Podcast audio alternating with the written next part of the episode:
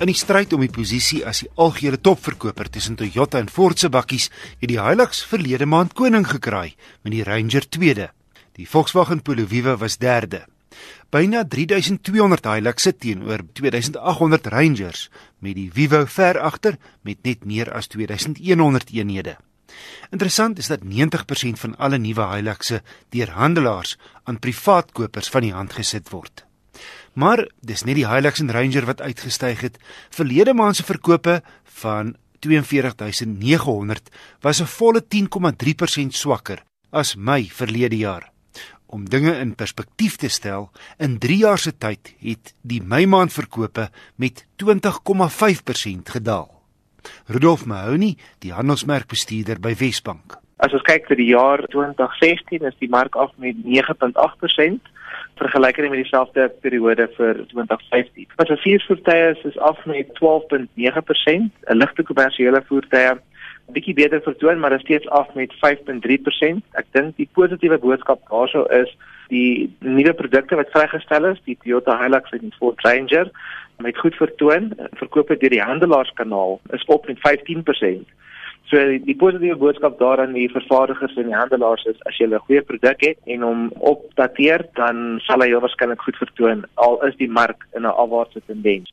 Die redes hiervoor sê hy is makro-ekonomiese faktore die verswakking in die rand wat veroorsaak het dat voertuigpryse aansienlik vermeerder is vir die afgelope 2 jaar. Ons verwag pryse dat dit sal verder styg met omtrent 20% hierdie loop van 2016.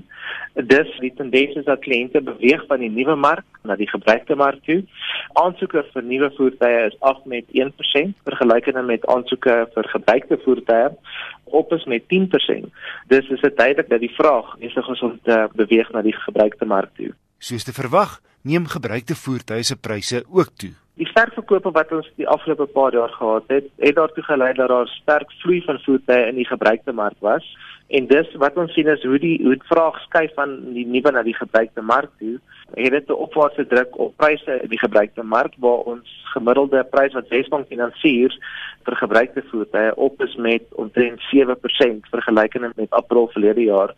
En dit sal ons sien dat soos dat die aanbod in die gebruikte mark geabsorbeer word deur hierdie verhoogde aktiwiteite meer kliënte gaan moet terugbeweeg na die nuwe mark toe waar daar voertuie beskikbaar gaan wees. Rudolf Mahoney van Wesbank. Daar is darem 'n ligpunt. Uitvoere was 0,8% sterker as my verlede jaar. Net meer as 33600 plaaslik vervaardigde voertuie is verlede maand uitgevoer.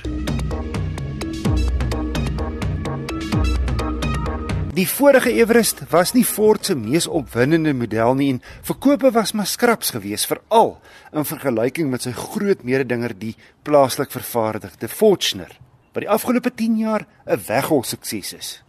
Nou het 'n nuwe Everest sy verskyning gemaak. Soos die Fortuner geskwees op die Hilux, is die Everest gebaseer op die nuwe Ranger bakkie. En die neusgedeelte veral trek baie sterk op die Ranger.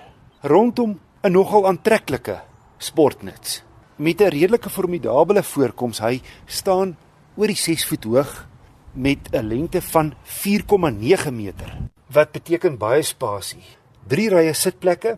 Danksy die lang lyf is hy een van die min voertuie wat agter die derde ry ook plek het vir bagasie. Die tweede en derde rye kan afslaan om vir jou 'n lang plat ruimte te skep. Maar nie minder nie as 4 12 volt laaipunte reg deur die voertuig. Die agterste een sit heel agter in die bagasiebak. En nog 'n rede hoekom die Everest so baie spasie het is die spaarwiel sit heel onder aan die buitekant. Nie net kan die tweede ry sitplekke heeltemal afslaan nie.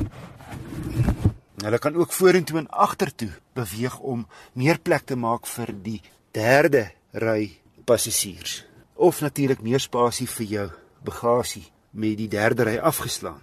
Al die sitplekke op hierdie XLT, dis die tweede duurste model in leer redelike harde plastiek wat in die paneelbord gebruik word en aan die kante.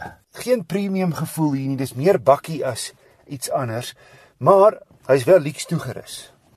Hy behoort ook in die veld baie goed te vaar want boonbehalwe 'n uitstekende grondvryhoogte van 225 mm is hier ook so 'n ronde knop waarmee jy elektronies kan kies in watter modus jy hom wil hê.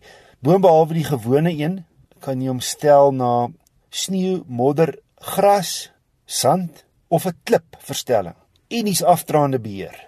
So ook 'n laaste rekrakkas en die agterste ewenaar kan sluit.